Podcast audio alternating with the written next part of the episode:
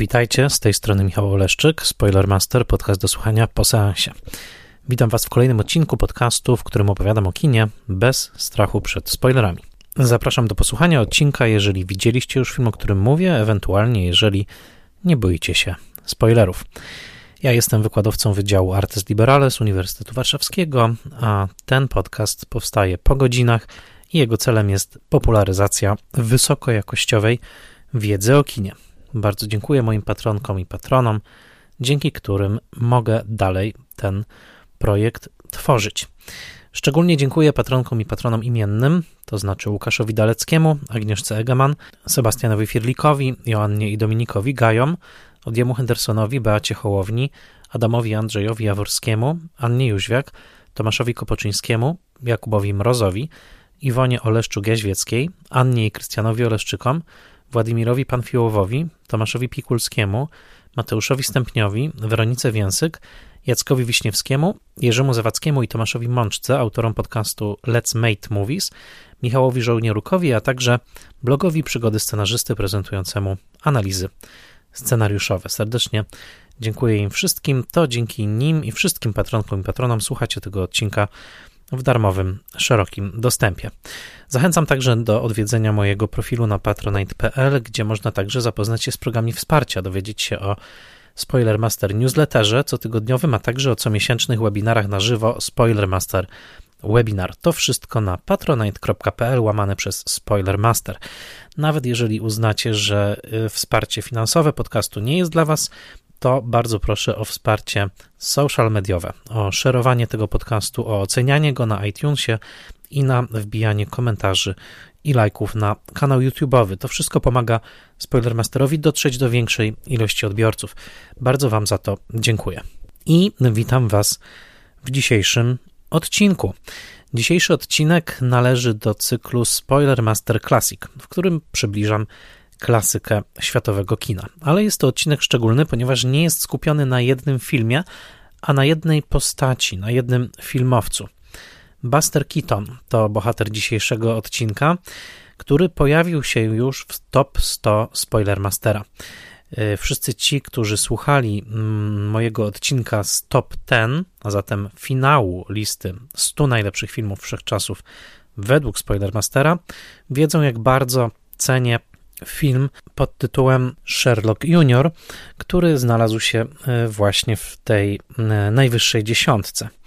Wtedy opowiedziałem trochę o Sherlocku, opowiedziałem trochę o Basterze i pomyślałem, że Buster Keaton zasługuje na więcej przestrzeni w Spoilermasterze.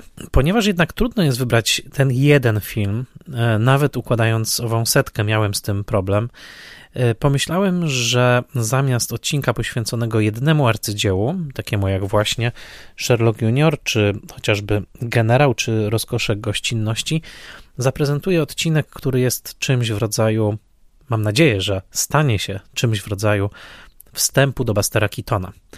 Takiego odcinka, po którego wysłuchaniu poczujecie, że warto sięgnąć po tę twórczość i warto poznawać Bastera Keatona lepiej. To jest moja ambicja w tym odcinku.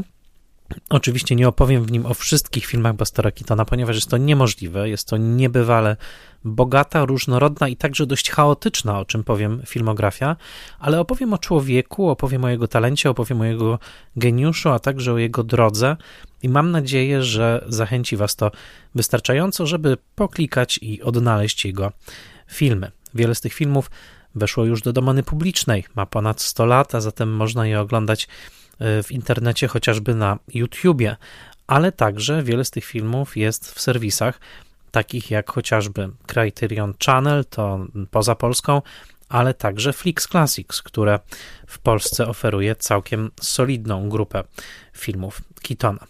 Bardzo bym się cieszył, gdybyście trochę Kitonem się jednym słowem zarazili po tym odcinku, ponieważ jest to twórca, który naprawdę ma ogromne rzesze fanów na całym świecie i którego nie trudno pokochać, ale od którego trochę trudno się wyzwolić. W momencie, w którym zaczniemy zgłębiać jego twórczość, okaże się ona tak bogata, tak różnorodna i często tak paradoksalna, że mam wrażenie, że z Busterem Keatonem zostaje się na życie, na całe życie, bo jest to postać tak pełna różnych, często skrajnych odcieni. a także jest to filmografia, która no, nie przestaje zaskakiwać, mimo że rzekomo jest zamknięta, to jednak ciągłe pojawienia się nowych fragmentów, nawet urywków filmów z Kitonem e, na YouTubie, czy urywków telewizyjnych programów, w których występował, to naprawdę taka studnia bez dna. A zatem dzisiaj chcę Was trochę zaprosić do tego, żeby z tej studni się napić, a także, żeby od czasu do czasu przynajmniej ją sądować, badać i po prostu, żeby uczynić Bastera Keatona częścią swojego filmowego życia, bo jest to dobry druh i jest to jednocześnie druh, który odbija w swoim i życiorysie, i twórczości bardzo dużą paletę różnych emocji, od najdzikszego śmiechu do bardzo głębokiego smutku, jeśli nie wręcz do rodzaju poetyckiej, egzystencjalnej melancholii. W międzyczasie, to znaczy po opublikowaniu listy, e, a przed tym odcinkiem, e, zaprezentowałem e, Sherlocka Juniora na dwóch pokazach z cyklu Dziesiątka Spoilermastera. Pierwszy z tych pokazów miał miejsce w styczniu 2023 roku w kinie Muranów, a drugi w lutym tegoż roku w kinie Nowe Horyzonty we Wrocławiu. Obydwa te pokazy były pełne.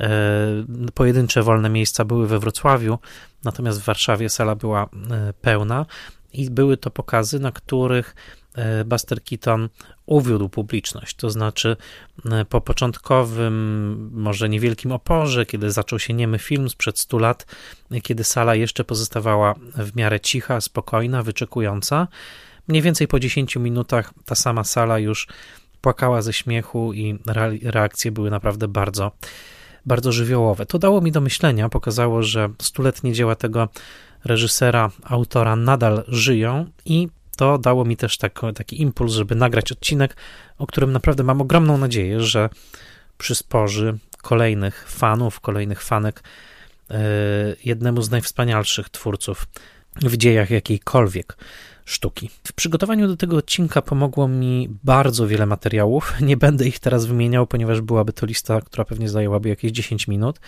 E, natomiast wszystkie te materiały są wylistowane w Spoilermaster Newsletterze. Jak zawsze zachęcam do jego subskrypcji. Więcej szczegółów na e, patronite.pl łamane przez Spoilermaster. Dodam, że Spoilermaster Newsletter to nie tylko pełne listy tytułów wymienianych w danych odcinkach i pełne bibliografie, ale także bardzo obszerny E, tekst i polecenia rozmaitych materiałów, i to pisanych, i materiałów wideo, cotygodniowy, cotygodniowa piguła filmowej wiedzy. E, Buster Keaton, o jednej publikacji wszak muszę wspomnieć, ponieważ jest to chyba publikacja najważniejsza, dosyć nowa, ale już niesłychanie szanowana. Otóż Buster Keaton doczekał się ogromnej biografii autorstwa Jamesa Curtisa, która wyszła w zeszłym roku, 2022. Buster Keaton, A Filmmaker's Life, ponad 700-stronicowa książka, która wydaje mi się zamyka temat, jeżeli chodzi o opisywanie życia Bustera Keatona, przynajmniej jeżeli chodzi o takie bardzo szczegółowe E, bardzo szczegółowe resume wszystkich najważniejszych faktów, a także wielu mniej ważnych faktów, które jednak Curtis tam umieścił w takiej długiej, długiej opowieści o każdym filmie, każdym występie, no niemalże o każdym miesiącu z życia Bastera, a zatem jeżeli ktoś chce naprawdę postudiować tę biografię, odsyłam do tej książki, ale źródeł o Kitonie nie brakuje. E, tak jak mówię, zajrzyjcie do newslettera, dowiecie się więcej, natomiast zdecydowanie, jeżeli miałbym polecić taką jedną, jedyną e, rzecz, to e, warto zwrócić uwagę na serial dokumentalny Kevina Brownlowa i Davida Gilla pod tytułem Buster Keaton A Hard Act to Follow, który powstał pod koniec lat 80., dostał dwie nagrody Emmy, jest w całości na YouTubie i są to trzy 50-minutowe odcinki wykorzystujące genialne archiwa, które naprawdę no, w definitywny audiowizualny sposób opowiadają o życie, życiu i sztuce Bastera Keatona. Wersja skondensowana tej samej opowieści, uzupełniona jeszcze o inne materiały archiwalne, wybierająca trochę inaczej i rozkładająca akcenty, to film The Great Buster w reżyserii Petera Bogdanowicza, który wyszedł w roku 2018. A zatem, gdybym miał polecić takie podstawowe piguły, byłaby to właśnie książka Curtisa e, i te dwa filmy dokumentalne. Jeden serial e, Buster Keaton A Hard Act to Follow, a drugi Buster, The Great Buster, czyli właśnie film Petera Bogdanowicza. E, i teraz już przejdźmy do samej opowieści, zacznę ją nie swoimi słowami. Zacznę ją słowami Zygmunta Kałużyńskiego, jednego z najwybitniejszych polskich krytyków filmowych, postaci kontrowersyjnej zdecydowanie, ale jednocześnie bezsprzecznie. Jest, był to posiadacz chyba najlepszego pióra wśród e, polskich krytyków, a przynajmniej jednego z kilku naprawdę najlepszych piór. I chciałbym zacytować fragment jego tekstu z tygodnika Film. Ten tekst pojawił się 31 maja roku 1964. Zwracam uwagę już naprawdę dawno, niemal 60 lat temu. I był to 22 numer tygodnika Film z tamtego roku. E, I nazywał się tekst Najnowocześniejszy dawny komik. Pozwólcie, że zacznę właśnie od tych słów, które zresztą także przytoczyłem na obydwu pokazach dziesiątki Spoilermastera, a zatem ci, którzy byli, usłyszą te fragmenty ponownie. Mm, cytuję. Nieoceniony iluzjon załatwił nam znowu wycieczkę w czasy minione jakbyśmy przy tym byli. Jeden z najlepszych programów Warszawskiego Muzeum Sztuki Filmowej, komedię Bastera Keatona z okresu niemego. Bywalcy zdziwieni, że to jest, cytat, aż tak dobre. Dyskutują przy wyjściu z kina. Cytat, tyle się słyszy o Czeplinie, że mistrz, że największy, że bezkonkurencyjny, tymczasem w porównaniu z Keatonem zdecydowanie wysiada. Opinia zapewne przesadzona i krzywdząca Czeplina, ale bierze się ona z zaskoczenia. Nie spodziewaliśmy się, że Keaton będzie reprezentował tak wysoką klasę. Jest to w dodatku klasa, która należy bezpowrotnie do przeszłości. Sztuka Chaplina, Keatona, Harolda Lloyda stanowi jedyną bodaj gałąź kinematografii wygasłą, bez następców. Wszystkie inne gatunki przetrwały, nawet wzbogaciły się wraz z rozwojem filmu dźwiękowego. Ten przepadł na zawsze, a był przecie genialny, bo zupełnie nowy w historii kultury. Są nawet krytycy, którzy uważają, że jedyne autentyczne wartości twórcze wniesione przez cywilizację amerykańską do światowej to jazz, western oraz nie ma groteska filmowa. Trzy rodzaje niepodobne do niczego, co do tej pory uprawiano w starej Europie i jeszcze starszej Azji. Chciałbym właśnie zacząć od owej nuty zaskoczenia, bo myślę, że ta nuta zaskoczenia towarzyszy każdemu, kto trafia na te filmy po raz pierwszy. Zwróćcie uwagę, że Kałużyński pisał swój artykuł 40 lat po realizacji chociażby Sherlocka Juniora, e, filmu pochodzącego z 24 roku. My jesteśmy dalej niż od Kałużyńskiego, niż Kałużyński był od Kitona. Po pierwsze, Kałużyński pisał swoje słowa jeszcze za życia Kitona, po drugie, obecnie dzielą nas e, już dzieli nas sześć dekad od tego artykułu. A zatem y, ktoś mógłby zapytać, no dobrze, czy wrażenie się utrzymało? Czy dzisiejsi widzowie zareagowaliby podobnie? Otóż Największa rewelacja polega na tym, y, że tak.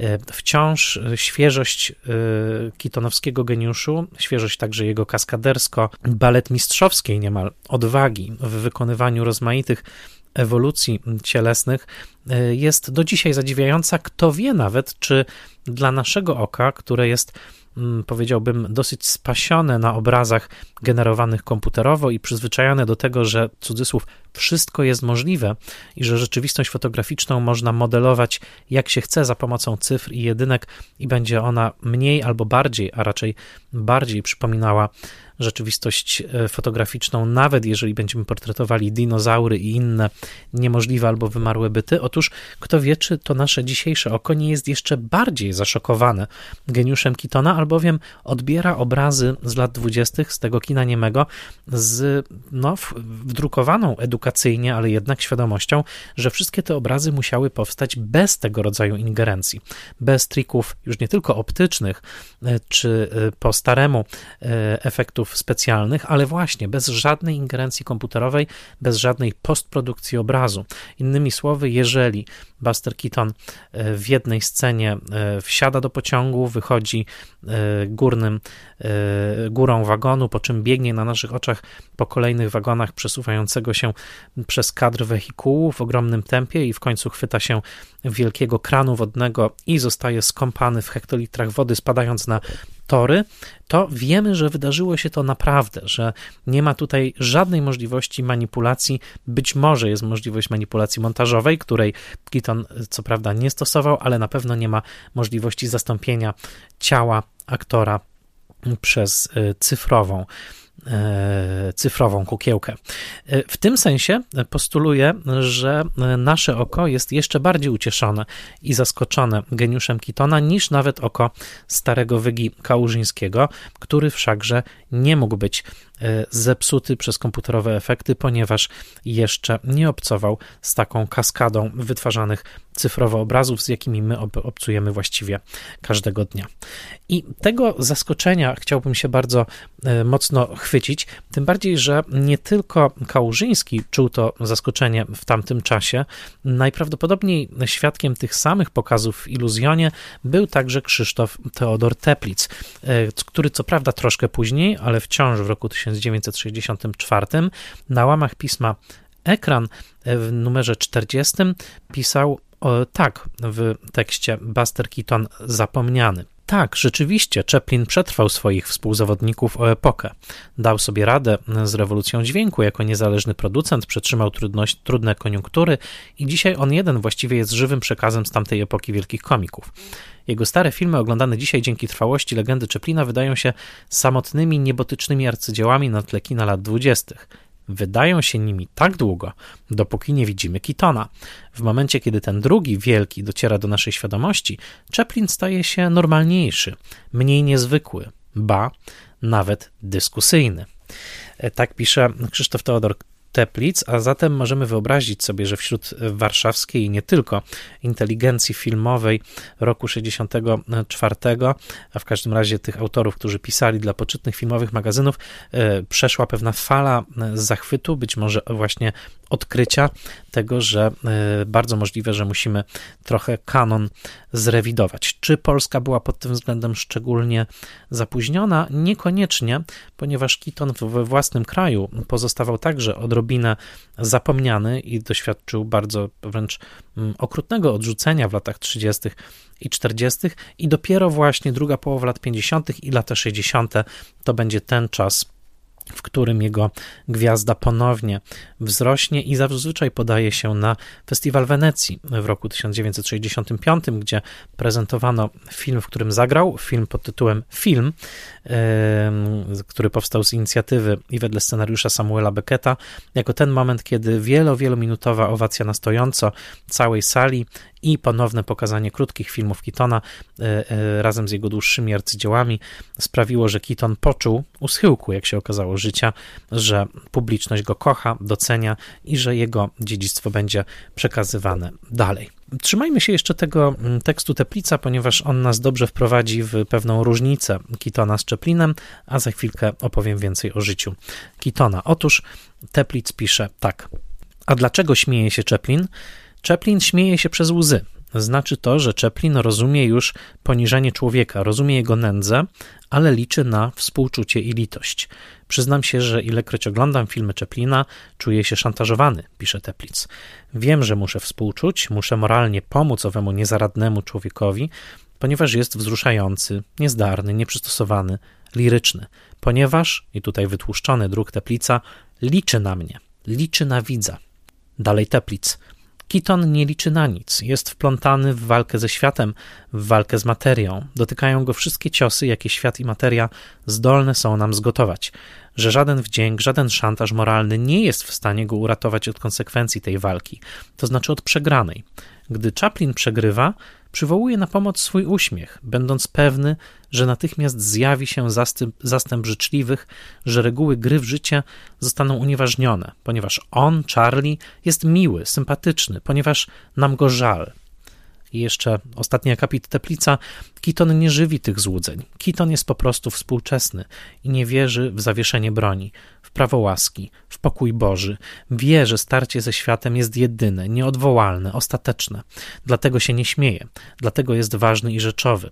Każda czynność, którą wykonuje na ekranie, wykonywana jest jasno, serio, jako czynność najważniejsza, ponieważ Kiton nie wierzy w odwołanie, odwołanie do litości, współczucia, humanizmu, słowem w to wszystko, w co wierzy Chaplin. A więc w rezultacie to właśnie Keaton, a nie Chaplin jest naprawdę. Charliego porównywano z dzieckiem z racji jego filmu The Kid, nazywano go brzdącem i słusznie. Filozofia Chaplina jest filozofią brzdąca, który wie, że jeśli nabroi, to może dostanie w skórę, ale potem ktoś w końcu pogłaszcze go po głowie. Keaton nie liczy na nic takiego. Keaton jest dorosły i rozumie, że każdy krok jest krokiem ostatecznym, nieodwołalnym i bez wybaczenia. Nie ma więc powodu, aby śmiać się przy wykonywaniu takiego kroku. Tak pisze, tak pisał Krzysztof Teodor Teplic i zanim odwołam się do jeszcze innych fragmentów z eseju Kałużyńskiego, y, powiem, że właśnie pewien rys nowoczesności, tego, że już w latach dwudziestych Keaton był najmniej popularnym z trzech wielkich komików, to znaczy pomiędzy Chaplinem, Lloydem i Keatonem toczyła się pewna y, rywalizacja, ale w niej Keaton zawsze miał najmniej widzów, mimo że był bardzo popularny, tak już wtedy był pewien znak, że jego wrażliwość troszkę odkleja się od tej najpopularniejszej, najbardziej melodramatycznej wrażliwości, która zapewnia zazwyczaj ogromne, ogromne rzesze widzów, że było coś w Kitonie troszkę zahaczającego już o niepokoje późniejsze wieku XX i nic dziwnego, że w końcu współpracował z autorem Czekając na Godota i końcówki, czyli Beckettem właśnie przy filmie pod tytułem Film. Ale to wszystko przychodzi później. Przeczytałem wam fragmenty, które już oceniają tę twórczość z dużej perspektywy czasowej. My jesteśmy jeszcze później. Cofnijmy się do samego początku, jak to się wszystko zaczęło. Buster Keaton urodził się 4 października 1895 roku, a zatem na dwa miesiące przed tym, jak bracia Limier pokazali swoje pierwsze filmy w Paryżu. Autorka Dana Stevens, autorka książki Cameraman, która za zadanie postawiła sobie porównanie niemal całego XX wieku i jego najważniejszych trendów z karierą i biografią Keatona, wskazuje na to jako narodziny symboliczne. Oto Keaton nie tylko rodzi się w momencie, kiedy rodzi się kino, ale także rodzi się właśnie u progu wieku XX, który będzie pomagał definiować między innymi swoją fascynacją technologią i portretem egzystencjalnego samotnika. Keaton przychodzi na świat y, jako syn Josepha Keatona, zresztą mm, ma po nim imię, ponieważ y, Joseph to imię, które zostało nadane Keatonowi na chrzcie, y, Joseph Frank Keaton. Otóż ojcem Keatona jest Joe Keaton i Myra Keaton. To jest małżeństwo, uwaga, artystów wodewilowych, którzy podróżują po Stanach Zjednoczonych z walizą i występują na scenie. Myra gra na saksofonie, a Joe wykonuje e, slapstickowe e, przedstawienia. Ma między innymi jeden numer, który opiera się na jego interakcjach z nieposłusznym stołem. I tutaj mała uwaga w stronę młodszych słuchaczy, czym był Vaudeville. Vaudeville był rodzajem wędrownego teatru, to znaczy takich wykonawców, którzy podróżowali od jednego miejsca do kolejnego, od jednej sceny w małym miasteczku do kolejnej, może w trochę większym i być może ci najszczęśliwsi do sceny w bardzo dużym mieście, którzy prezentowali swoje umiejętności, czy to wokalne, czy to komiczne, czy to aktorskie, w ramach krótkich powiedzielibyśmy dzisiaj setów, takich po kilkanaście minut, i e, byli częścią większego programu danego wieczora. Wodewile były niesłychanie popularną rozrywką w Ameryce w wieku XIX, ponieważ skupiały widownie bardzo różnych klas, od najniższych do wyższych, i także skupiały widownię, która niekoniecznie mówiła cała po angielsku, ze względu na to, że było wówczas tak dużo imigrantów w Stanach Zjednoczonych. Była to rozrywka prosta, różnorodna, która jednak często prezentowała ludzi autentycznie bardzo utalentowanych. Znana jest anegdota o Karolu Dickensie, który w wodewilu amerykańskim dostrzegł e, elementy geniuszu i wskazał na to, że e, talent ludzi, którzy tam występują, wręcz rozsadza scenę, na której są. Dokładnie pod te rezerwuary talentu później podłączy się młoda sztuka zwana kinem i bezpośrednio z tego systemu będzie czerpała soki, jednocześnie w tym procesie zabijając oczywiście scenę wodewilową na tyle skutecznie, że obecnie wodewil nie istnieje, chyba że za wielki e, elektroniczny wodewil uznamy chociażby telewizję czy YouTube'a. Otóż Buster Keaton rodzi się właśnie w takiej rodzinie i zaczyna występować z swoimi rodzicami na scenie w wieku, uwaga, 11 miesięcy. Bardzo szybko dostaje także przydomek Buster, który nadaje mu zaprzyjaźniony z rodzicami aktor, nie Harry Houdini, jak później będzie Buster twierdził.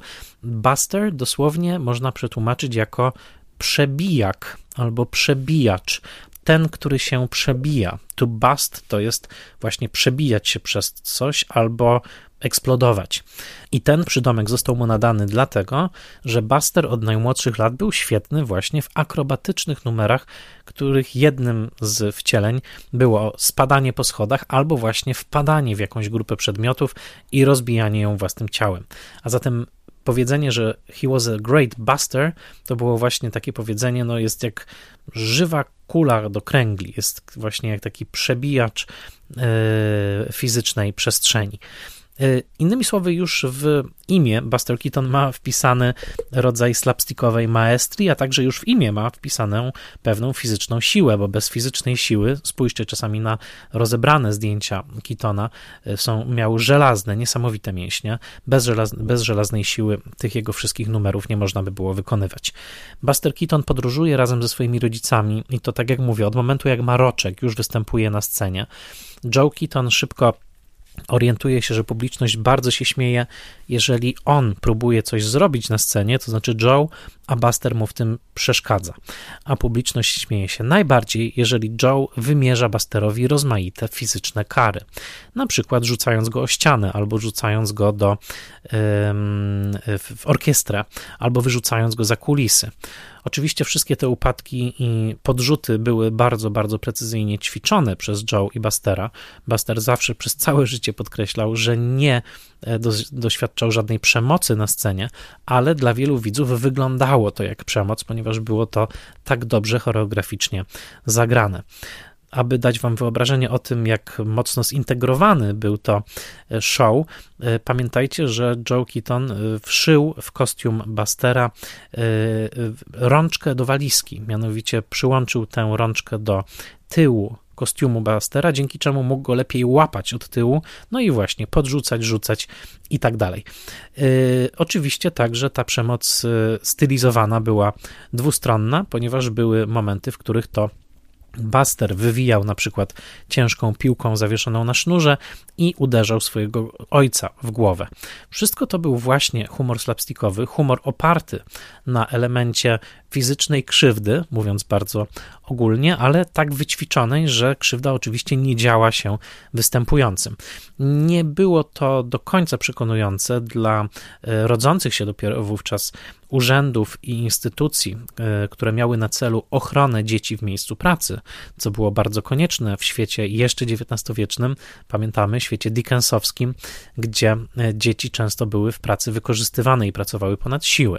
Tutaj, zwłaszcza e, to, tak zwane Towarzystwo Gary'ego, to znaczy Gary Society w Nowym Jorku, bardzo upatrzyło sobie rodzinę Keatonów i utrudniało im występy e, właśnie w trosce o zdrowie małego Bastera, który jednocześnie dawał wywiady do gazet jeszcze jako chłopiec, e, mówiąc, że nigdy nic złego na scenie mu się nie stało, a nawet w trakcie jednej oględzin rozebrał się, żeby pokazać, że nie ma żadnych siniaków.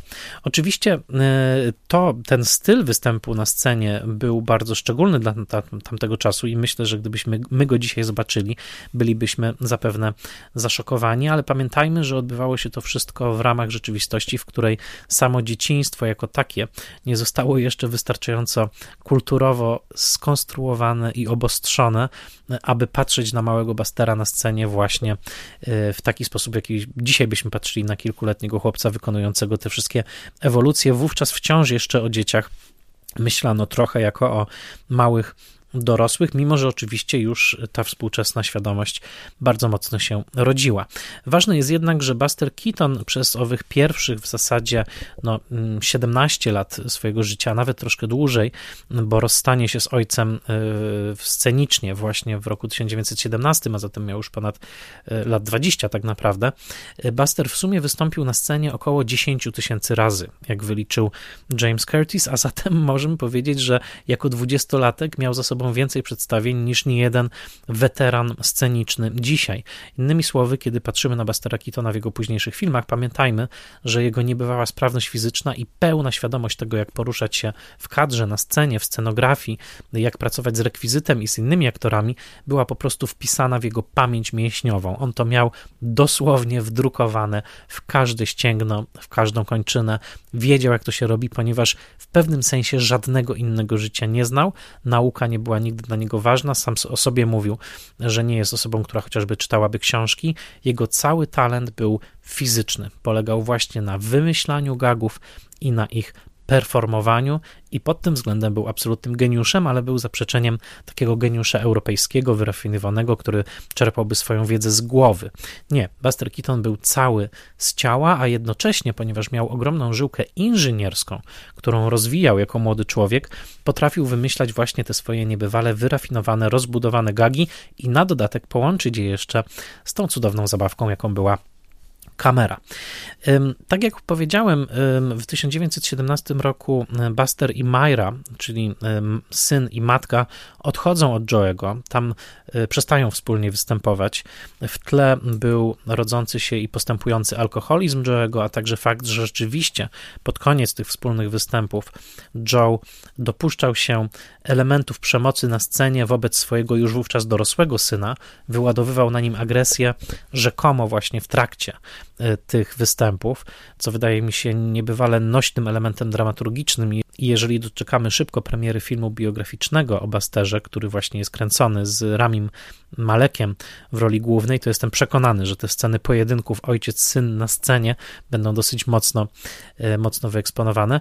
E, I to jest właśnie moment, kiedy oni się rozstają, kiedy dosłownie, co jest też szokującym elementem całej tej historii, Myra i Buster nie mówią nic Joemu i po prostu znikają, zostawiając go w jednym z teatrów i tak na pewien czas ich drogi się rozchodzą, one potem się znowu zejdą do tego stopnia, że e, nie tylko później, w późniejszych latach zamieszkają ponownie razem wszyscy, ale na dodatek Joe będzie regularnie pojawiał się w filmach e, Bastera, między innymi w Sherlocku Juniorze, gdzie gra ojca dziewczyny, o którą ubiega się bohater Bastera. I rok 1917 to bardzo ważny moment, który można łatwo zapamiętać jako ten moment graniczny, ponieważ w tym samym roku 1917 Buster Keaton wyrywa się z tych objęć rodziny, e, przestaje występować z ojcem na scenie i poznaje Fatiego Arbakla, czyli słynnego Fatiego Grubaska Arbakla, e, aktora slapstickowego, jednego z bardziej legendarnych i bardziej tragicznych aktorów tej profesji.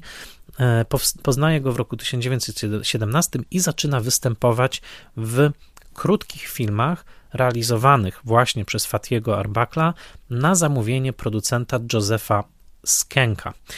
To jest e, firma, która się nazywała Comic, pisane przez C i Q, czytane komiki i w tej firmie producenckiej przez niemal 20 tytułów Fatty Arbuckle i Buster Keaton będą razem współpracować. Ich pierwszy film to jest film z roku 1917 pod tytułem Chłopak od rzeźnika, The Butcher Boy.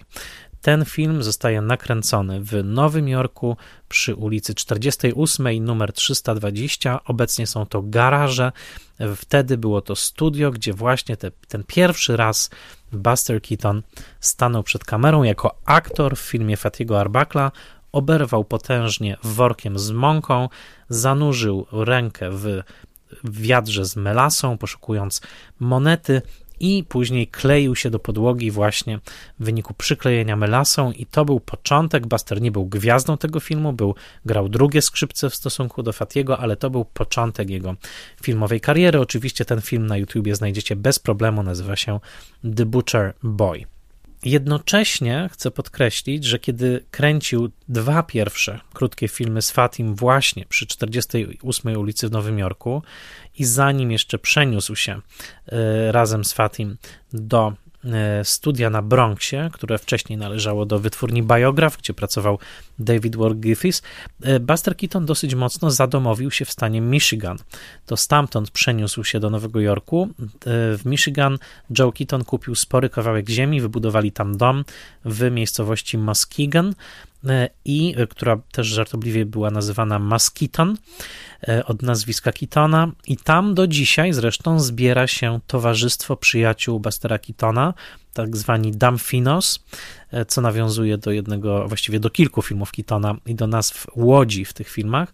Otóż w, tamtym, w tamtej miejscowości sąsiadem Kitona był niejaki Edward Grey i tu ważny szczegół, tam po raz pierwszy Buster dał upust swoim inżynierskim skłonnościom i takiemu także kreatywnemu inżynierskiemu podejściu. Mianowicie Edward Grey miał na swojej posesji wychodek zewnętrzny, e, do którego bardzo często nieproszeni wchodzili e, piknikujący nieopodal ludzie i ponieważ chciał ich jakoś odstraszyć, poprosił Kitona o pomoc i Buster Keaton zaprojektował specjalny mechanizm, za pomocą którego połączył ściany owego drewnianego e, zewnętrznego wychodka z kuchnią e, Edwarda Greya. I jeżeli tylko Edward Grey widział, że ktoś tam w tym wychodku się zadomowił, Edward Grey mógł pociągnąć za sznurek w swojej kuchni i w tym momencie ściany wychodka rozpadały się na cztery strony świata i nieszczęśnik był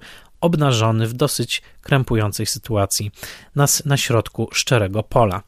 Brzmi to jak komedia slapstickowa? No właśnie, Keaton stosował tego rodzaju slapstick także w swoim życiu, a przede wszystkim ogromną frajdę sprawiało mu tworzenie, budowanie takich urządzeń, właśnie łączonych przedmiotów, rozmaitych mechanizmów, które obsługiwały życie codzienne i to robił do końca życia, bo nawet w jego ostatnim domu były takie urządzenia, między innymi mały pociąg podający herbatę i Alka-Seltzer. Tego rodzaju pierwociny możemy odnaleźć w jego filmie pod tytułem The Electric House.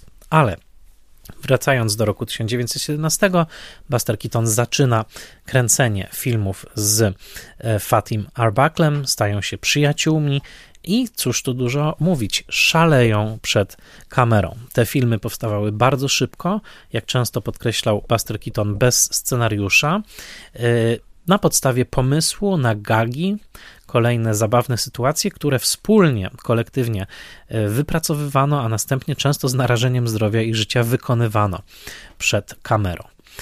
I w tym momencie, kiedy wszystkie te filmy z wyjątkiem jednego możemy oglądać, one są i na YouTubie, ale także na wspaniałej kolekcji Blu-rayowej shortów Bustera Keatona, wydanej przez Masters of Cinema w Wielkiej Brytanii, którą polecam. To chyba jedno z najlepszych Blu-rayowych wydań ever.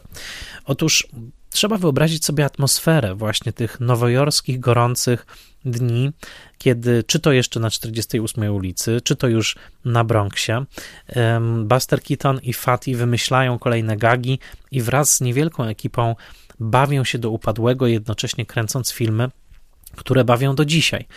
E, jest to rodzaj utopii filmowców, utopii, którzy nie mają nad sobą jeszcze takiej rozbudowanej korporacyjnej kontroli i nie znam tekstu, który by lepiej uchwycił tę utopię, jednocześnie nadając jej pewien nostalgiczny charakter, od tekstu Józefa Gębskiego, który pojawił się na łamach miesięcznika Kino w numerze lutowym z roku 1976. Ten tekst nosi tytuł Niewysłany list do Bastera Keatona. I w tym momencie przeczytam yy, fragment. Pisze Józef Gębski, oczywiście już po śmierci Keatona, więc jest to rodzaj poetyckiego wzlotu. Szanowny panie Keaton, komedia filmowa, ta, którą tworzyliście i tworzycie, od papy Seneta, czyli Maka Seneta, który zakładał wytwórnię Keystone, poczynając, a na utworach mm, Richarda Lestera i Woody Allena kończąc, jest niby wciąż taka sama, a jednak nie taka sama. Pański nauczyciel Roscoe Arbuckle, znany jako Fatty Grubasek, wyćwiczony przez mistrza Seneta, realizował krótkometrażowy film komiczny w jeden, a najwyżej dwa dni. Brało się wtedy kamerę, trzech aktorów, jednego operatora, jakiegoś kulawego psa, ładną dziewczynę, cztery pary bambusowych lasek i z całym tym bagażem wędrowało do pobliskiego parku, aby nikt nie przeszkadzał w pracy. Czasem był to róg przedmiejskiej ulicy i właśnie tam wyrabiało się takie rzeczy, które do dziś pozostały śmieszne. Nam to się nie udaje. Dziś nikt nie weźmie operatora ani trzech aktorów, a cztery bambusowe laski muszą być wcześniej zaplanowane oraz zamówione, a wraz z nimi trzech ludzi: jeden do opieki nad sprzętem, drugi do konserwacji, a trzeci do liczenia tych lasek. My możemy wziąć tylko psa z kulową nogą, ale to diablo mało na zrobienie filmu komediowego. Wasze wspaniałe metody produkcji pozwalały na to, aby kamera pracowała z taką szybkością, jaką sobie wymarzyliście. Mogła nawet iść do tyłu. My dziś takich kamer nie mamy, a muzea kinematografii strzegą ich jak ognia. Płacimy więc, więc frycowe i podatek od postępu. Tak pisze pięknie Gębski w połowie lat 70., wyrażając pewną nostalgię właśnie za tymi dniami szalonych filmowych e, realizacji. I w tamtym czasie e, Keaton uczy się niesłychanie szybko, e, także korzystając z wiedzy Fetiego Arbakla. Między innymi Keaton rozbiera na kawałki i na części pierwsze kamerę, po czym ponownie ją składa, żeby dobrze zrozumieć jej mechanizm i to, do czego może być użyta. I przez tych kilkanaście filmów, które razem realizują, najpierw w Nowym Jorku, a później przenoszą się do Kalifornii, no, powtarzając ruch całego przemysłu filmowego, który w końcu osadza się w Hollywood. Otóż to jest takie wielkie laboratorium, tak naprawdę dla Keatona, który w ciągu trzech lat między film, rokiem 1917 a 1920 nie tylko zalicza taki porządny staż filmowy, wykluwa się jego własna kreatywność, on zalicza także podróż do Europy, oczywiście wojenną, ponieważ to pierwsza wojna światowa, tam także spełnia czas, spędza czas jako żołnierz, powraca i w roku 1920 staje się twórcą swojego filmu, albowiem Joseph Skank, ten sam producent, który wcześniej finansował filmy Arbakla, yy, daje wolną rękę Busterowi Keatonowi, umawia się z nim na określoną ilość filmów w określonym czasie i tworzy coś w rodzaju, na nawet konkretnie się to nazywało Buster Keaton Studios, gdzie dzięki Skankowi, dzięki jemu finansowemu yy, ubezpieczeniu, Buster Keaton może pracować dokładnie w taki sposób, w jaki sobie wymarzył. I to jest e, jego e, raj. To znaczy, w 1920 roku wchodzi na ekrany jego pierwsza krótkometrażówka, to znaczy już podpisana samodzielnie, chociaż zawsze tam było drugie nazwisko, często dopisane jednego z jego kluczowych współpracowników ponieważ e, obowiązki reżyserskie były pojmowane bardzo płynnie i bardzo kolektywnie na tych planach, ale nie ma żadnych wątpliwości, że to Buster Keaton był główną taką zawiadującą inteligencją tego całego przedsięwzięcia. Otóż tak zaczyna się najszczęśliwsza e, dekada w życiu Keatona. Ten pierwszy film dystrybuowany nazywa się One Week, to, czyli po polsku tydzień, e, i to jest e, od razu strzał, od razu arcydzieło. Co prawda wcześniej Keaton zrealizował jeszcze jeden film pod tytułem High Sign, czyli Sygnał, ale wprowadził go na ekrany później, bo nie był z niego zadowolony.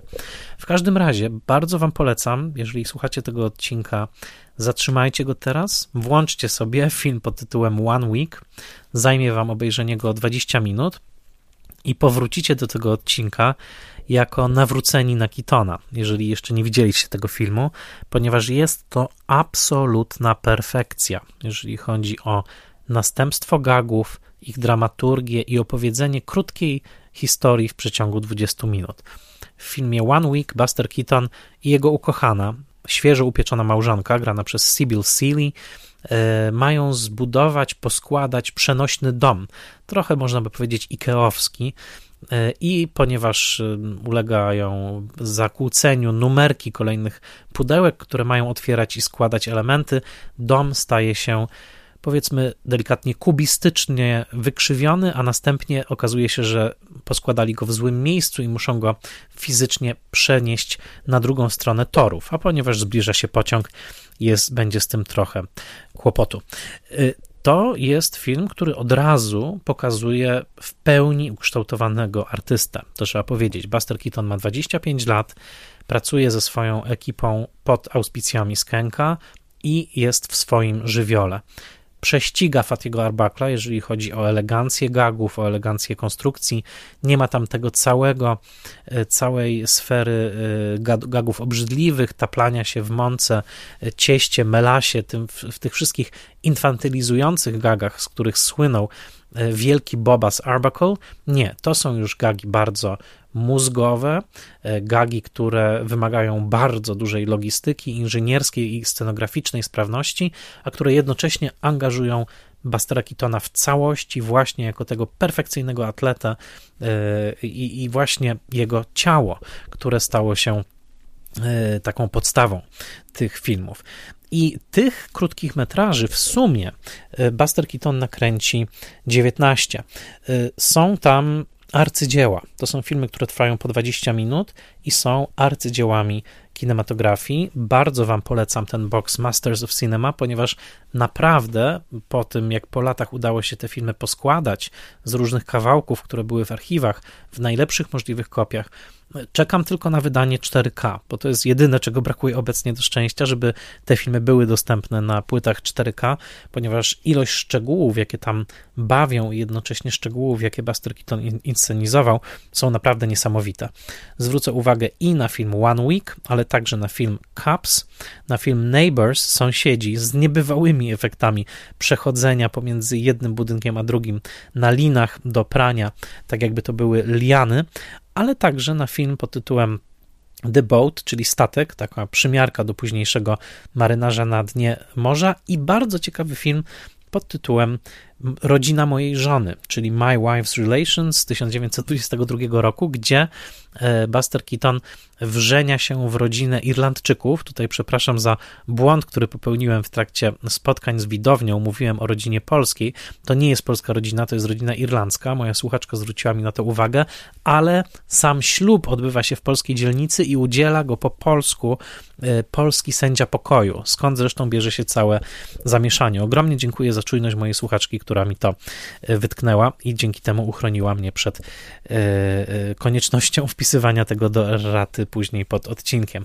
A zatem My Wife's Relation to jest polski, to jest polski film Bastera Keatona, ponieważ ma polskie dialogi i dzieje się w dużej części na Greenpointie, po prostu w Nowym Jorku te filmy, a także dodałbym na koniec jeszcze piękne The Love Nest, które kończyło całą tę serię krótkometrażówek w 1923 roku. To jest taki korpus e, dzieł geniusza, które można porównać chyba tylko z tą serią, którą w latach 40. będzie miał Preston Sturges. I naprawdę do dzisiaj e, filmy te prezentują e, w pełni narodzonego komika, który odkrył dwie rzeczy. Po pierwsze, jak bardzo dobrze eksploruje gag, przestrzeń i właśnie potwierdził fakt, że nie będzie się na ekranie uśmiechał, ponieważ jak sam mówił, i to cytuję Curtis, e, dosyć szybko na scenie zrozumiał, że jego idealnym wcieleniem jest tak zwany slow thinker, czyli ktoś, kto myśli powoli i kto działa. I to najbardziej śmieszyło widownię w jego wydaniu i Buster Keaton bardzo się opierał później, żeby kiedykolwiek roześmiać się przed kamerą. E, co prawda w tych filmach z Arbucklem, jak na przykład w filmie Coney Island, można znaleźć momenty, kiedy on się śmieje, ale w jego filmach autorskich absolutnie ten uśmiech się nie pojawia i jest rzeczywiście tym człowiekiem z kamienną twarzą, chociaż przecież ta twarz nie jest bez wyrazu. I tutaj wróćmy do wspaniałego opisu Zygmunta Kałużyńskiego. On pisze, że Chaplin należał już do lat bardziej gorzkich, był zdeklasowany, nosił melonik, laseczkę bambusową, modną wówczas w lepszych sferach, zaś rękawiczki zdejmował nad rynsztokiem, wytwornie palec po palcu, choć brakowało co drugiego, i wrzucał je do kosza na śmiecie gestem, jakim się zostawia je lokajowi przy wejściu do pałacu. Był niejako człowiekiem upadłym, walczącym o zachowanie godności. Nie udawało mu się to, był śmieszny, ale ratował swoją ludzkość, to zaś wzruszało. I znowu był jak każdy z nas w owych ciężkich czasach, gdy miliony ludzi utraciło swoje miejsce w świecie i uważało się za zdeklasowanych. I teraz uwaga, pisze Kałużyński. Kiton tymczasem nigdy nie był jak każdy z nas. Był wyjątkowy. Wyrażała to już jego głośna maska. Drewniana twarz, człowiek, który nigdy się nie śmieje, martwe oblicze bez reakcji uczuciowej. Hmm, bez reakcji uczuciowej? pyta Kałużyński. Nie bardzo. Przyjrzyjmy się mu uważnie. Keaton reaguje i to precyzyjnie. Boi się, zastanawia się, bywa wściekły. Prawdą jest natomiast, że się nie uśmiecha. Teoretycy kina zastanawiali się dlaczego. Stwierdzali przeważnie, że Keaton chciał osiągnąć kontrast, tym bardziej komiczny, gdy bohater, któremu zdarzają się groteskowo fatalne przygody, sam zdaje się nie zauważać ich śmieszności. Keaton jednak, zapytywany w wywiadach, dlaczego się nie śmieje, udzielał innej odpowiedzi, bo to nie jest mi potrzebne. I teraz genialny akapit y, Kałużyńskiego. Brak uśmiechu to nie był efekt, lecz styl. Styl zaś polegał na oszczędności. Gdy oglądamy filmy Kitona, uderza nas precyzja pomysłów, unikanie wszystkiego, co zbędne, niejako czystość rysunku. Nazywano go intelektualnym, bo nie był rozgadany. Tam, gdzie inni komicy mnożyli ozdoby, dodatki, przysiady, podskoki, dziwaczne kostiumy, Tam Keaton wchodził zdecydowanym krokiem i wykonywał to tylko, co było zasadnicze. Wówczas wydawało się to ubóstwem, suchością, dzisiaj jednak, gdy nauczyliśmy się cenić sztukę wstrzemięźliwą, wykonywaną zaledwie paroma liniami, Keaton wydaje się nam bez porównania bardziej szlachetny od swoich rówieśników klaunów, podskakujących zbyt ruchliwie. Genialny fragment, pozwólcie, że dopełnię go jeszcze jednym cytatem, cytatem z Józefa Gębskiego, z owego niewysłanego listu do Bastera Keatona. Widz zawsze solidaryzuje się z panem, pani Keaton. Pan dobrze o tym wie i dlatego nigdy nie krzywdzi pan ani osoby starszej, ani matki, ani dziecka. Pana przeciwnikami są osobnicy nieuczciwi, złośliwi, zawali drogi, siłacze okrutnicy. Dobór postaci i konfliktów jest zawsze sprawą wyboru moralnego. Jest pan niemal profesorem etyki stosowanej, najbardziej humanistycznej, która pochwala tylko dobro tkwiące w człowieku, a złu pozwala ujawnić się dopiero w sytuacji krytycznego zagrożenia życia, własnego lub bliźniego. Ten sam Gębski, patrząc na występ e, Kitona w późnym filmie Czeplina, kiedy to jedyny raz ta dwójka wystąpiła wspólnie, mowa o światłach rampy, pisze tak. Zrobił mi pan ostatnio prezent, jakiego w twórczości 80 lat kina dotychczas nie spotkałem. W filmie Czeplina Światła Rampy zagrał pan starego pianistę, który ma akompaniować Czeplinowi, staremu zmarniałemu klaunowi. Położył pan plik kartek partytury na podpórce fortepianu i w momencie, kiedy miał pan uderzyć w klawisze, partytura zaczęła się obsuwać z podpórki. Z ogromną godnością, podkreślam to, z godnością, zaczął pan zbierać listki papieru i ponownie układać w dawnym porządku. I był pan w tym swoim dostojnym komizmie postacią tak wielce tragiczną, że śmiałem się przez łzy i za to pana kocham i za to jest pan dla mnie nieśmiertelny. Tak pisał Gębski. I to już w takiej formie nie embrionalnej, tylko dojrzałej, od razu dojrzałej, znajduje się też w tych filmach krótkometrażowych, o których wspomniałem, z których ostatni to właśnie The Love Nest. Wcześniej jednak, już w 1920, Buster Keaton występuje w swoim pierwszym filmie pełnometrażowym. To film The Subhead, z tym, że to jest film, który jest adaptacją sztuki teatralnej dosyć odległej od wrażliwości Keatona i jest to jedynie fakt historyczny, że to właśnie The, Sub, The Subhead jest jego filmem pierwszym pełnometrażowym.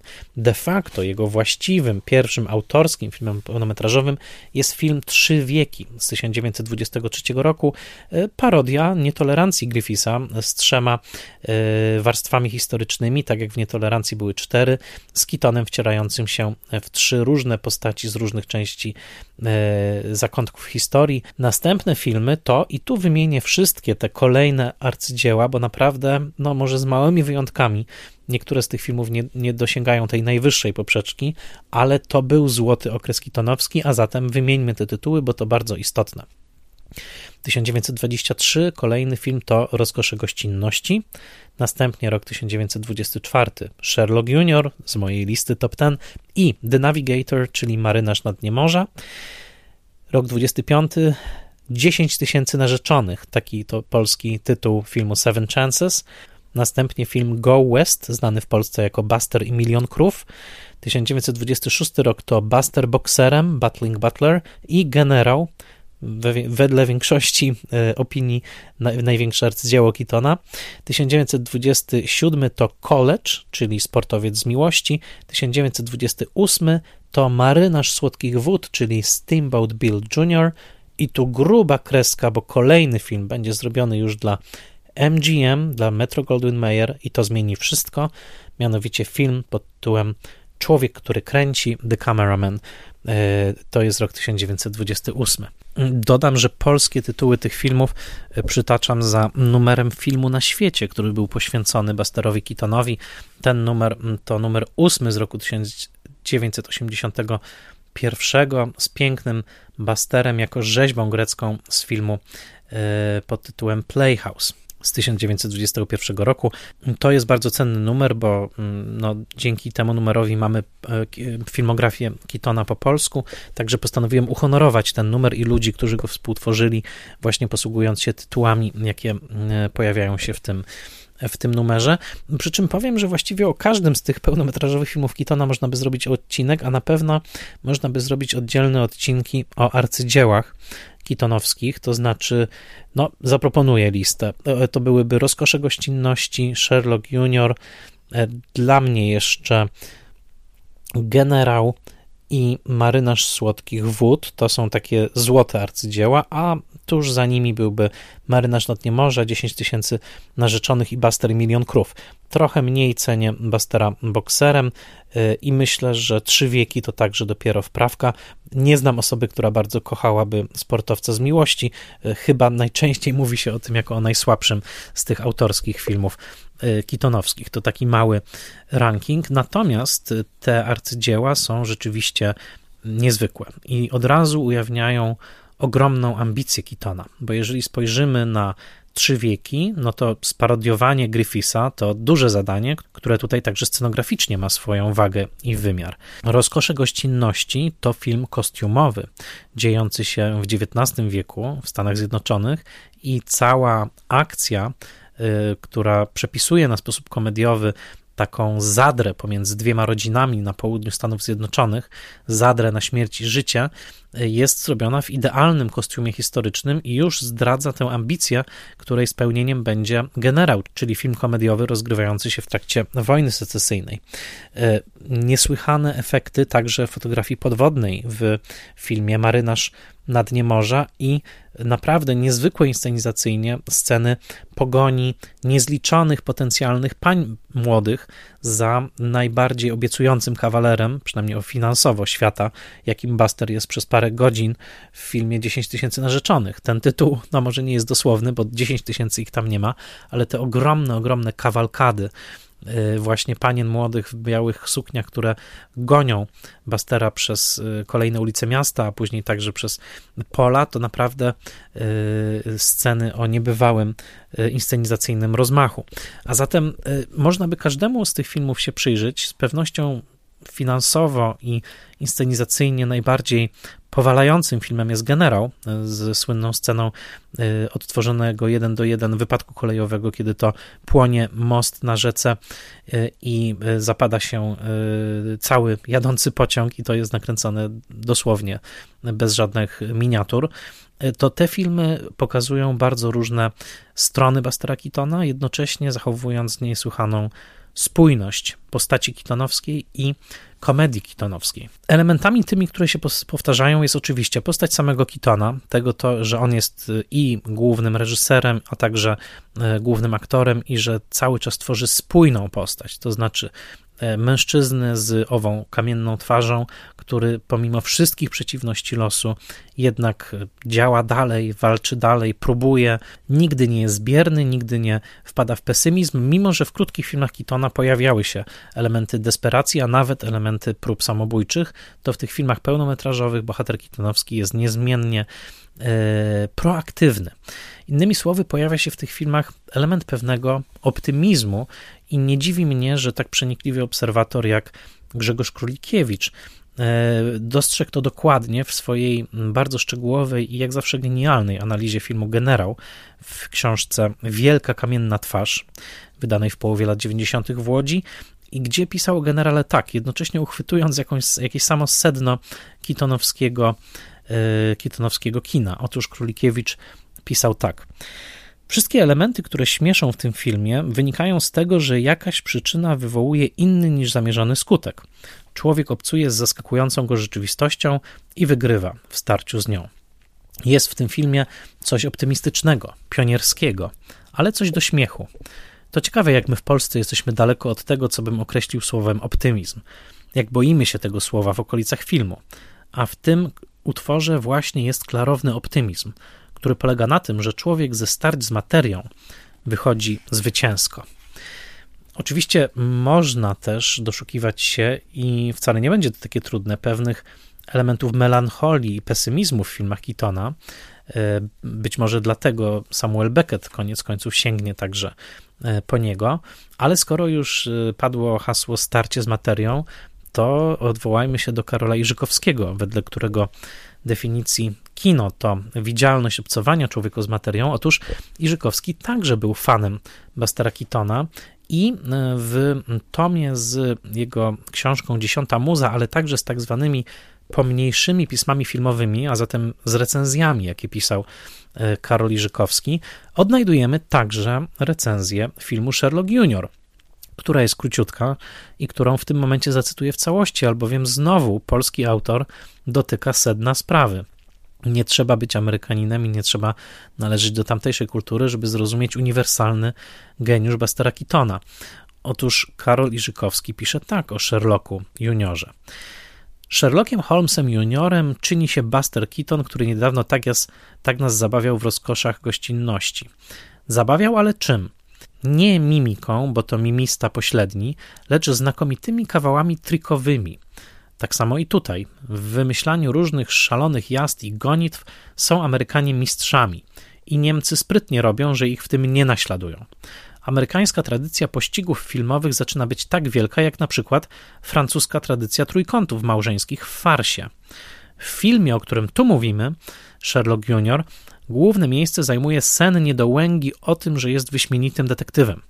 Ale jest to sen zupełnie odmienny od snu portiera z hotelu Atlantic, co za genialne skojarzenie. Także fantastyka, lecz bez pretensji psychologicznych. Fantastyka właśnie tylko jako pretekst do nadzwyczajnych kawałów. Oto jeden z nich. Złoczyńcy, czyhając na życie Kitona, kładą na bilardzie kulę bilardową nabitą dynamitem. Lecz Kiton gra karambola tak znakomicie, że choć wciąż się koło tej kuli kręci, nigdy jej nie dotknie. Kto zna karambola, potrafi ocenić wyrafinowanie tego kawału. Kiedy się takie będzie u nas produkowało? Czy jednak i do tego nie jest potrzebna jakaś sui generis kultura, jak już mamy w sobie kulturę humorystyki felietonowej i kabaretowej? Głębokie pytanie dotykające sedna sprawy. Keaton wypływa z kultury amerykańskiej, jest jej integralną częścią, jest także integralną częścią tej kultury produkcji, którą zapoczątkował Senet i którą jednak e, wytwórnia MGM w Keatonie zdusi, o czym za chwilę. Poza tym zachwytem nad samym ruchem, nad gagiem, nad geniuszem Keatona, który można nazwać geniuszem logistyczno-inscenizacyjnym, jest jednak w tych filmach pewien rodzaj poezji, i także o tym chcę wspomnieć, który wspaniale określa James Curtis w swojej biografii. Na stronie 276 y, opisuje on jedną ze scen z filmu Buster i Milion Krów.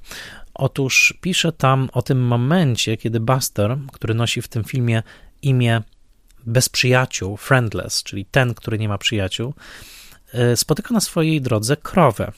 Friendless dziękuję krowie, klepie ją e, po boku i całuje ją w głowę.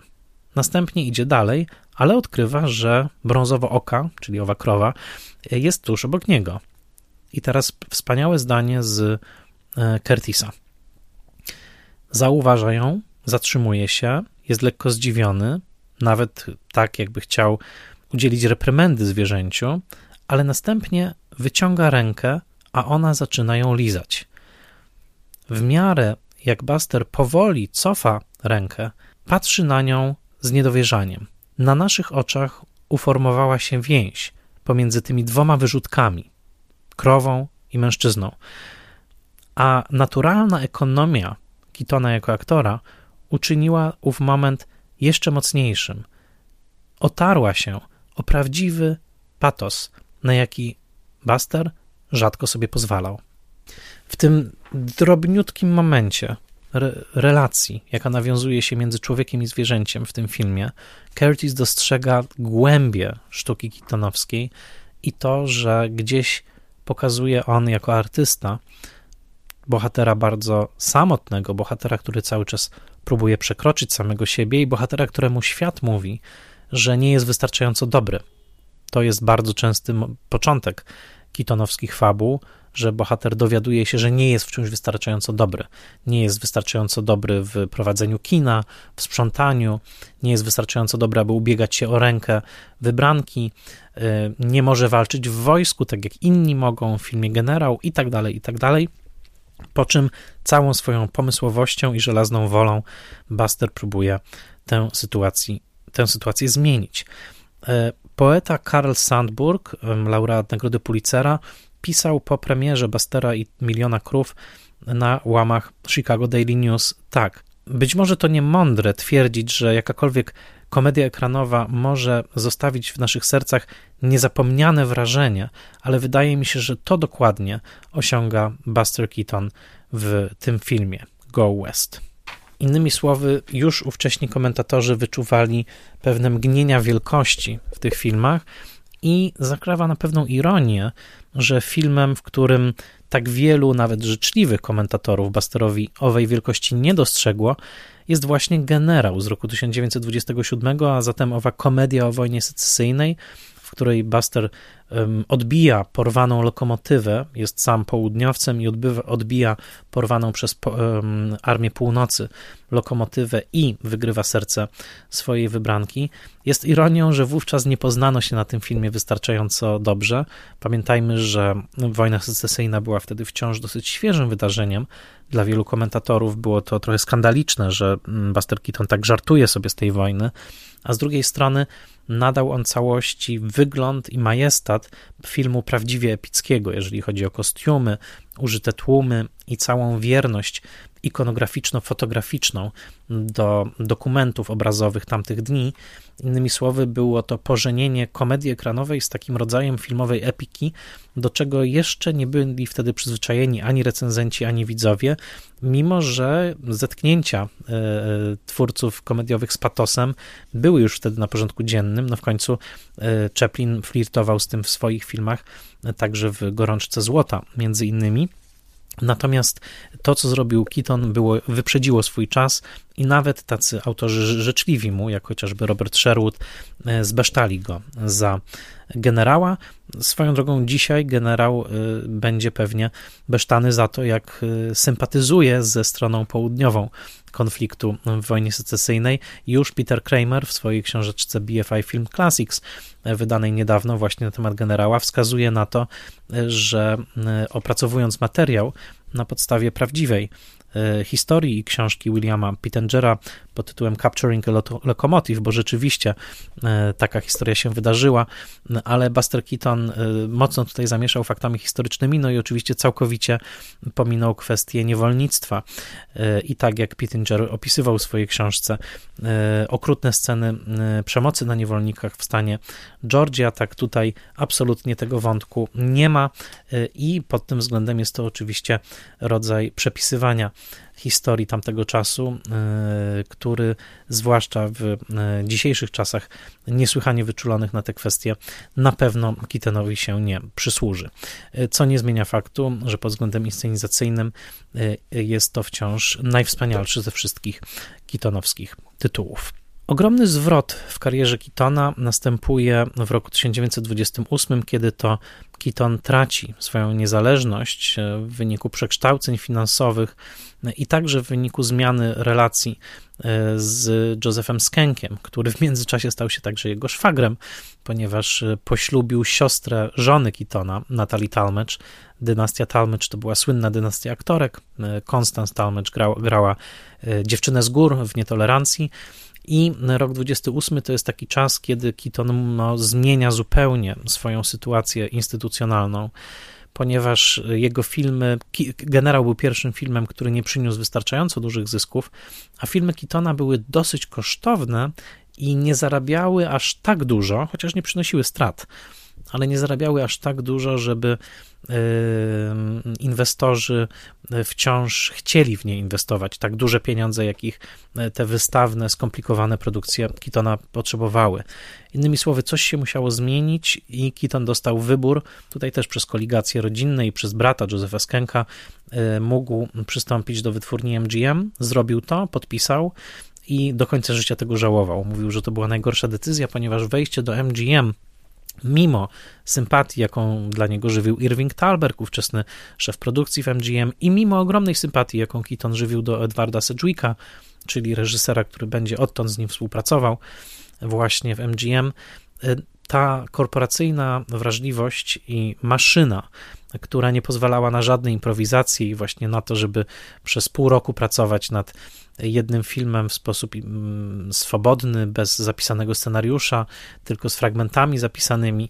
To wszystko w MGM wymagało już absolutnego podporządkowania machinie, departamentom, jak sam Keaton mówił z przekąsem, nawet wykałaczkę trzeba było za zamawiać w trzech kopiach, żeby w tę biurokrację się wpisać i przede wszystkim ciemna strona tej korporacyjnej mocy, czyli departament scenariuszowy, który przypisywał e, projekty do Kitana, które zupełnie nie zgadzały się z jego komediową personą, wtłaczały go w nowe, nieprzyjazne mu ramy, sprawiły, że Keaton coraz bardziej to się frustrował.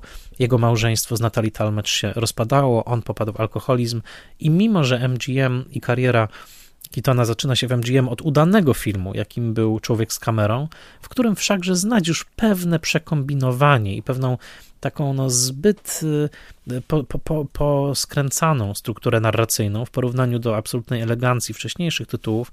Otóż tutaj zaczyna się równia pochyła, w której na dodatek szale przeważa koniec kina niemego, narodziny kina dźwiękowego i brutalny szok technologiczno-estetyczny, który następuje w całym Hollywood.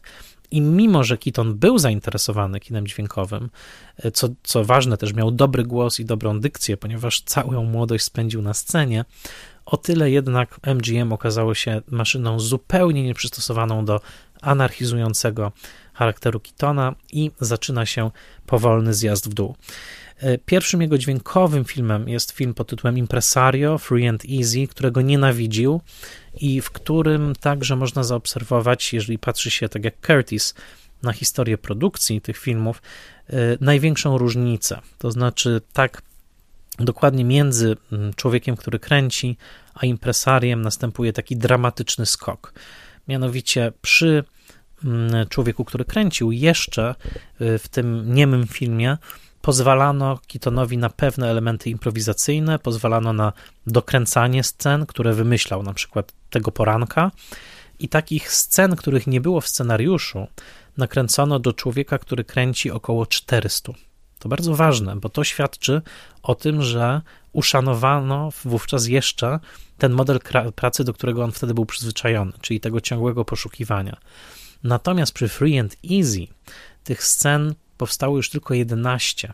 To znaczy nie pozwolono mu już na takie poszukiwania, no a na, na dodatek strona techniczna, czyli prymitywne techniki nagrywania dźwięku, nie pozwalały już na taką swobodę, chociażby na wykrzykiwanie czegokolwiek, prawda, w trakcie kręcenia.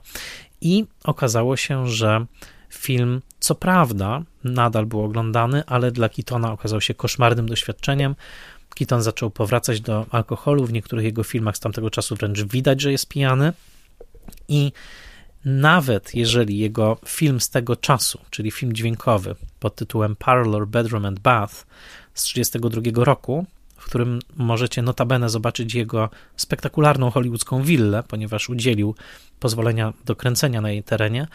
Otóż nawet mimo faktu, że ten film jeszcze na fali popularności Keatona okazał się jego największym hitem kasowym w ogóle y, z filmów niemych dźwiękowych, to jednak jakość artystyczna była tak dramatycznie niższa i on czu, było widać, że on po prostu gra coś zupełnie innego niż do tej pory, coś niezgodnego z jego talentem, mimo że od czasu do czasu udawało mu się jeszcze wcisnąć do tych filmów jakąś slapstickową, niemą sekwencję, taką, w której czuł się najlepiej, to mimo to to była już tylko i wyłącznie równia pochyła, a po tym jak zdemolował własne biuro, po tym jak napyskował panu Majerowi, czyli szefowi studia, został po prostu zwolniony i od tego czasu zaczęła się jego dosłowna niemal tułaczka. Małżeństwo się rozpadło, wojna o alimenty i opiekę nad dziećmi skończyła się dla niego klęską, następne krótkie małżeństwo okazało się pomyłką i dopiero o wiele później wraz z trzecim małżeństwem i dopiero z narodzinami telewizji, w której faktycznie zaczął się odnajdywać na nowo, mm, już naprawdę jako człowiek niemal bez grosza. Wówczas w latach późnych 40. i wczesnych 50. kariera Kitona zacznie ponownie, powoli rozkwitać, ale będzie już rozkwitała w bardzo e, nieprzewidywalnych i chaotycznych, e, chaotycznych kierunkach. Warto zwrócić uwagę na to, że w latach 30. i jeszcze 40. Buster Keaton Mm, trafiał na kontrakty do różnych wytwórni. Wrócił zresztą w pewnym momencie nawet do MGM, gdzie kręcił serię krótkich filmów. Troszkę tak jak za tych niemych lat, ale niestety już bez, bez tej swobody. Takie serie nakręcił między innymi dla małej wytwórni nazywanej Educational Films i dla Columbia. Więc tych filmów jest też dużo na YouTubie i możecie pooglądać trochę, jak się czuł Buster Keaton w filmie dźwiękowym. Jeżeli mogę coś polecić, to poleciłbym zwłaszcza dwa jego krótkie filmy, mianowicie film pod tytułem The Gold Ghost, To jest e, film pierwszy, który zrealizował dla Educational, gdzie na chwilę, ponieważ była to mała firma, nie było właśnie tego ogromnego, tej ogromnej korporacyjnej nadbudowy MGM-u. Keaton na chwilę odbudował tę swoją swobodę twórczą w pewnej skali, nie tak dużej jak wcześniej, i udało mu się stworzyć bardzo elegancką etiudę, gdzie trafia do opuszczonego miasteczka na zachodzie, konfrontuje się z duchami, które są transparentne, y, i przez moment wydaje się, że obcujemy ze starym Kitonem. Drugim takim filmem jest Paluka from Paducah. To jest film także z tego czasu, czyli wczesnych lat 30., w którym z kolei występuje, uwaga, cała rodzina Kitona. Jest Joe Keaton, jego ojciec, jest jego mama, jest jego siostra, Louise Keaton i grają wszyscy takich trochę redneków e, z Stanów Południowych i ta właśnie rodzinka to rodzinka Keatonów.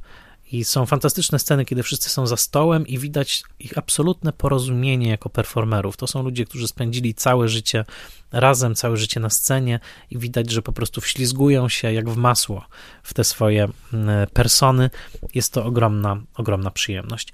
Natomiast niestety życie Bastera się wykoleiło, mm, walczył z chorobą alkoholową, która bardzo szybko postępowała ze stanami depresyjnymi i dopiero, tak jak powiedziałem, owo trzecie małżeństwo i ponowne zainteresowanie jego twórczością, zainspirowane w dużym stopniu przez wspaniały artykuł Jamesa Agiego pod tytułem Najwspanialsza era komedii, który ukazał się mm, na łamach pisma Life w wrześniu 1949 roku i wedle statystyk został przeczytany, albo przynajmniej ujrzany przez co piątego Amerykanina, nagle całe rzesze widzów przypomniały sobie, że był ktoś taki jak Buster Keaton.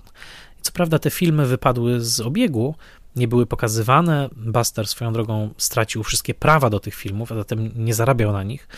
E, tutaj właśnie weszły w grę te e, różne papiery podpisywane z, ze skenkiem, więc Buster Keaton, część jego tragedii polega właśnie na tym, że nie był dobrym biznesmenem i że nie zadbał o prawa do eksploatacji własnych filmów. Dopiero w latach 50. będzie powoli te prawa odzyskiwał. E, to jest oddzielna, oddzielna historia. Natomiast nagle właśnie w 1949 roku widzowie sobie przypominają, że ktoś taki jest i w tysiąc, tym samym 1949 roku mm, program Eda Wina, taki popularny program telewizyjny tamtego czasu, zaprasza Bastera Keatona. I co się dzieje? Na ekranie amerykańskich telewizorów. Otóż Edwin i Buster Keaton wspólnie odtwarzają starą scenę. Odtwarzają scenę z Melasą z filmu The Butcher Boy, czyli Chłopak od rzeźnika, czyli dokładnie z tego pierwszego filmu, który Buster Keaton i Fatty Arbuckle kręcili w 1917 roku w Nowym Jorku na Manhattanie. Minęło tak wiele lat, trzy dekady upłynęły pomiędzy tymi dwoma momentami. Życie Kitona zdążyło się załamać, on zdążył się trochę pozbierać, ale pamięć mięśniowa tamtych gagów jest w nim nadal i on odtwarza je tak, jakby nic się nie zmieniło. Obydwa fragmenty są na YouTubie, można sobie te momenty porównać i jest w tym coś niesłychanie poruszającego. Keaton na dodatek w tamtym czasie pracuje także jako konsultant do, do spraw gagów. I to wydaje mi się czymś niebywałym, że on był wynajmowany na kolejne plany filmowe po to, żeby wymyślać krótkie scenki gagów, które jednocześnie posuwałyby do przodu akcję i nikt nie był w tym tak dobry. On pracował innymi wtedy z braćmi Marx i było dla niego czymś absolutnie naturalnym. Właśnie dlatego artysty nie intelektu, tylko artysty ciała i sytuacji. Tego, jak ciało przebija się przez całą sytuację, w całej progresji dramaturgicznej, w całej progresji przestrzennej. Otóż dla niego tworzenie takich scen gagów było najwspanialszym żywiołem. I przykład, który można znaleźć na YouTubie, to scena pomiędzy Vanem Johnsonem i Judy Garland z filmu pod tytułem In the Good Old Summertime. To jest 1949 rok i film, który stanowi częściowo remake filmu Sklepik za rogiem Ernsta Lubicza. I tam jest piękny moment, kiedy Van Johnson wpada na Judy Garland, jej spada z głowy kapelusz z takim pięknym sztucznym ptakiem, on próbuje podać jej ten kapelusz, ale jednocześnie zahacza o nią parasolką i zaczyna się taki balet właśnie kolejnych upadków, kolejnych niepowodzeń. W końcu on przypadkowo umieszcza na tym kapeluszu prawdziwego gołębia zamiast tego sztucznego. Taka mała kawalkada drobnych zdarzeń, mała symfonia przedmiotów, potknięć, pomyłek, która na przestrzeni 120 sekund zaświadcza o czyimś geniuszu, o czyimś fachu, o czyimś rzemiośle, o czyjejś wizji. I ta wizja to nie jest e, wizja reżysera tego filmu, o niego mniejsza w tym momencie. On wiedział, do kogo zadzwonić. Wiedział, że należy zadzwonić do Kitona, który swoją drogą też wystąpi w tym filmie, ale jego największy wkład w ten film to jest właśnie wyreżyserowanie tej sceny gagowej, ponieważ w tym był niesamowity, w tym był najlepszy. Miał tą inteligencję ciała, pamięć mięśni, pamięć sceny, pamięć gagu, pamięć ruchu i rozumiał, że dramatyczne sytuacje w filmie można rozgrywać poprzez ruch, poprzez gest, poprzez precyzyjnie, koronkowo zaplanowaną sekwencję, poprzez koronkowo następujące po sobie zdarzenia fizykalne między ciałem, kostiumem, przedmiotem, podłożem, całą przestrzenią. Tak myślał Buster Keaton. To była jego sztuka i właśnie w tym wyraził się najpełniej, w tym łańcuchu arcudzieł lat dwudziestych, a potem w sposób rozproszony, punktowy, chwilowy wyrażał to przez następne dekady swojego życia. Czy to jako gagman piszący dla innych, czy to jako performer na chwilę pojawiający się w filmach innych ludzi, czy to jako ten Buster Keaton, który już w latach 50. ma swój własny, średnio udany serial telewizyjny, ale przede wszystkim zaczyna się pojawiać w produkcjach stworzonych właśnie dla niego. I te produkcje są chyba najciekawsze. Będzie to odcinek Strefy Mroku, w którym wystąpi, będzie to krótki film telewizyjny The Silent Partner, w którym wystąpi jako zapomniany gwiazdor kina niemego. Będzie to krótka rulka w bulwarze zachodzącego słońca Billy'ego Wildera, gdzie występuje jako tak zwana figura woskowa, właśnie figura tego zapomnianego gwiazdora niemego kina, ale będzie także to i chyba przede wszystkim wspaniały film z roku 1965, zrealizowany przez Kanadyjski Instytut Filmowy, film pod tytułem The Railroader, w którym Buster, sędziwy, przemierza niemal całą Kanadę na drezynie. Ten film, co ciekawe, dowiedziałem się tego niedawno od Konrada Zarębskiego był pokazywany w polskiej telewizji dawno temu w cyklu Bolesława Michałka, poświęconym krótkim filmom i ten półgodzinny, kolorowy już film, na którym Buster podróżuje na drezynie, na której zresztą smaży sobie jajka, przygotowuje herbatę i wykonuje naprawdę niebezpieczne ewolucje, mimo że jest już naprawdę sędziwym, niemal 70-letnim człowiekiem. Otóż The Railroader to jest takie wspaniałe potwierdzenie geniuszu Keatona i tego, że był on faktycznie nie do zdarcia. Na okładce książki Chrisa Wade'a pod tytułem Buster Keaton Późne lata, Buster Keaton The Later Years, jest właśnie kadr z Railroadera. E, Buster Keaton trzyma swój płaski kapelusik, tak zwany pork pie hat, e, przytrzymuje go w trakcie tej jazdy na drezynie i ma taką marsową, kamienną minę wpatrzoną w kanadyjski horyzont. Jest w stanie stawić czoła rzeczywistości fizycznej, która jest naprzeciwko niego nie podda się, będzie jechał dalej i nawet od czasu do czasu nabije się na drezynie niezłej herbaty. Najpóźniejsze lata Kitona są usiane bardzo dziwnymi występami w dziwnych filmach, między innymi w komediach dla nastolatków, takich jak Beach Party, ale także w filmach telewizyjnych i co chyba najdziwniejsze w filmach edukacyjnych. Wystąpił w filmie Devil to Pay który był zamówiony przez Stowarzyszenie Hurtowników. Otóż jest to film, w którym Buster Keaton gra diabła i udowadnia, że hurtownicy są potrzebni, a jego ostatni fizyczny występ przed kamerą był w filmie pod tytułem Describe, zrealizowanym z kolei przez um, Radę BHP stanu Ontario dla kanadyjskich budowlańców. Był to film, w którym Buster ilustrował zasady BHP. I jako ktoś, kto złamał kark na planie swojego filmu, bo to stało się dokładnie na planie Sherlocka Juniora, kiedy uderzyła w niego masa wodna i walnął głową o szyny, no to może nie był najlepszą osobą, żeby tłumaczyć BHP, ale mimo to oglądanie filmu Describe, który jest na YouTubie w kolorze, z tym sędziwym człowiekiem, który właściwie niecały rok później, bo już w lutym 66 roku umrze na raka, którego do końca pozostanie nieświadomy, oglądanie tego człowieka, jak właśnie zmaga się z tą materią na placu budowy, podąża między rusztowaniami, e, konfrontuje się z kolejnymi budowlańcami, jest jednocześnie bardzo smutne i ma w sobie element radości. To znaczy, Buster Keaton był człowiekiem, którego dosłownie przejechało życie. Przejechał go jego własny nauk, ale także przejechały go przemiany technologiczne i biznesowe przemysłu, w którym pracował genialnie, ale którego do końca nie rozumiał. To była jego tragedia, że on do końca nie rozumiał biznesowej strony tworzenia filmów. Polegał na innych, między innymi na swoim szwagrze z Kenku, który pozostał wobec niego uczciwy, ale też nie miał w sobie żyłki altruisty, to znaczy nie dbał przede wszystkim o interesy finansowe Bastera, tylko dbał o stronę biznesową, taką, która będzie zadowalała akcjonariuszy. Więc Buster Keaton, nie rozumiejąc do końca biznesu, który sam współtworzył i który wyniósł do takich wyżyn sztuki, co do których nie ma żadnych wątpliwości, że mamy do czynienia z dziełem geniuszu, ten sam Buster Keaton, zagubiony na placu budowy, wyjaśniający zasady BHP na kilka miesięcy przed śmiercią, już jako człowiek szczęśliwy, już szczęśliwy u boku trzeciej żony, która naprawdę go pokochała, w przeciwieństwie do pierwszych dwóch, to obraz jednocześnie pełen patosu i obraz zwyczajny, bo to po prostu staruszek Keaton, który wyuczył się tego, czego się wyuczył od pierwszych miesięcy życia na scenie i który tutaj wykonuje to, co potrafi najlepiej. Śmieszy nas, występuje, zmaga się z materią i nie boi się z nią skonfrontować. Nieustraszony Buster, ten, który przebija się, ten, który przebija się na drugą stronę i jest wystarczająco twardy, żeby w tym procesie się nie poobijać. To jest Buster Keaton, to jest twórca tych filmów, których wam dzisiaj w telegraficznym skrócie i w dużym tempie i w bardzo skondensowanej formie e, chciałem wam te filmy przedstawić.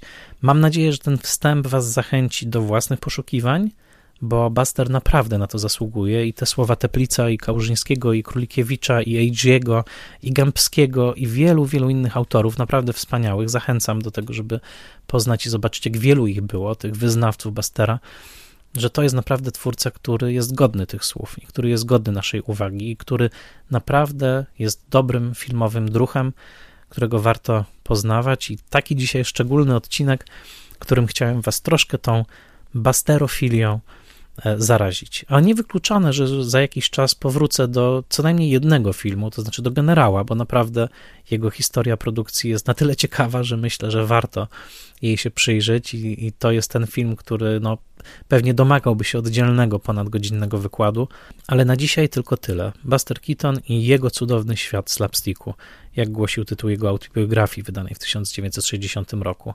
Buster Keaton i jego świat, Buster Keaton i jego wrażliwość, Buster Keaton i jego talent. Arcy reżyser XX wieku, arcy amerykański twórca, który jednocześnie jest tak bardzo uniwersalny, że kiedy niedawno siedziałem w sali kina Nowe Horyzonty we Wrocławiu i wsłuchiwałem się w śmiech sali, myślałem sobie, Buster, dałeś radę, jesteś wciąż z nami, a my jesteśmy Ci wdzięczni. Bardzo Wam dziękuję. Tego materiału wysłuchaliście dzięki patronkom i patronom podcastu Spoilermaster. Zapraszam na patronite.pl łane przez Spoilermaster. Tam możecie mnie wesprzeć, a jeżeli nie możecie tego zrobić, zachęcam do szerowania tego materiału. Pozdrawiam Was bardzo serdecznie, dziękuję za cierpliwość i Waszą życzliwość, także w wielu komentarzach, które dostaję. I jak zawsze, zapraszam na kolejnego Spoilermastera już za tydzień.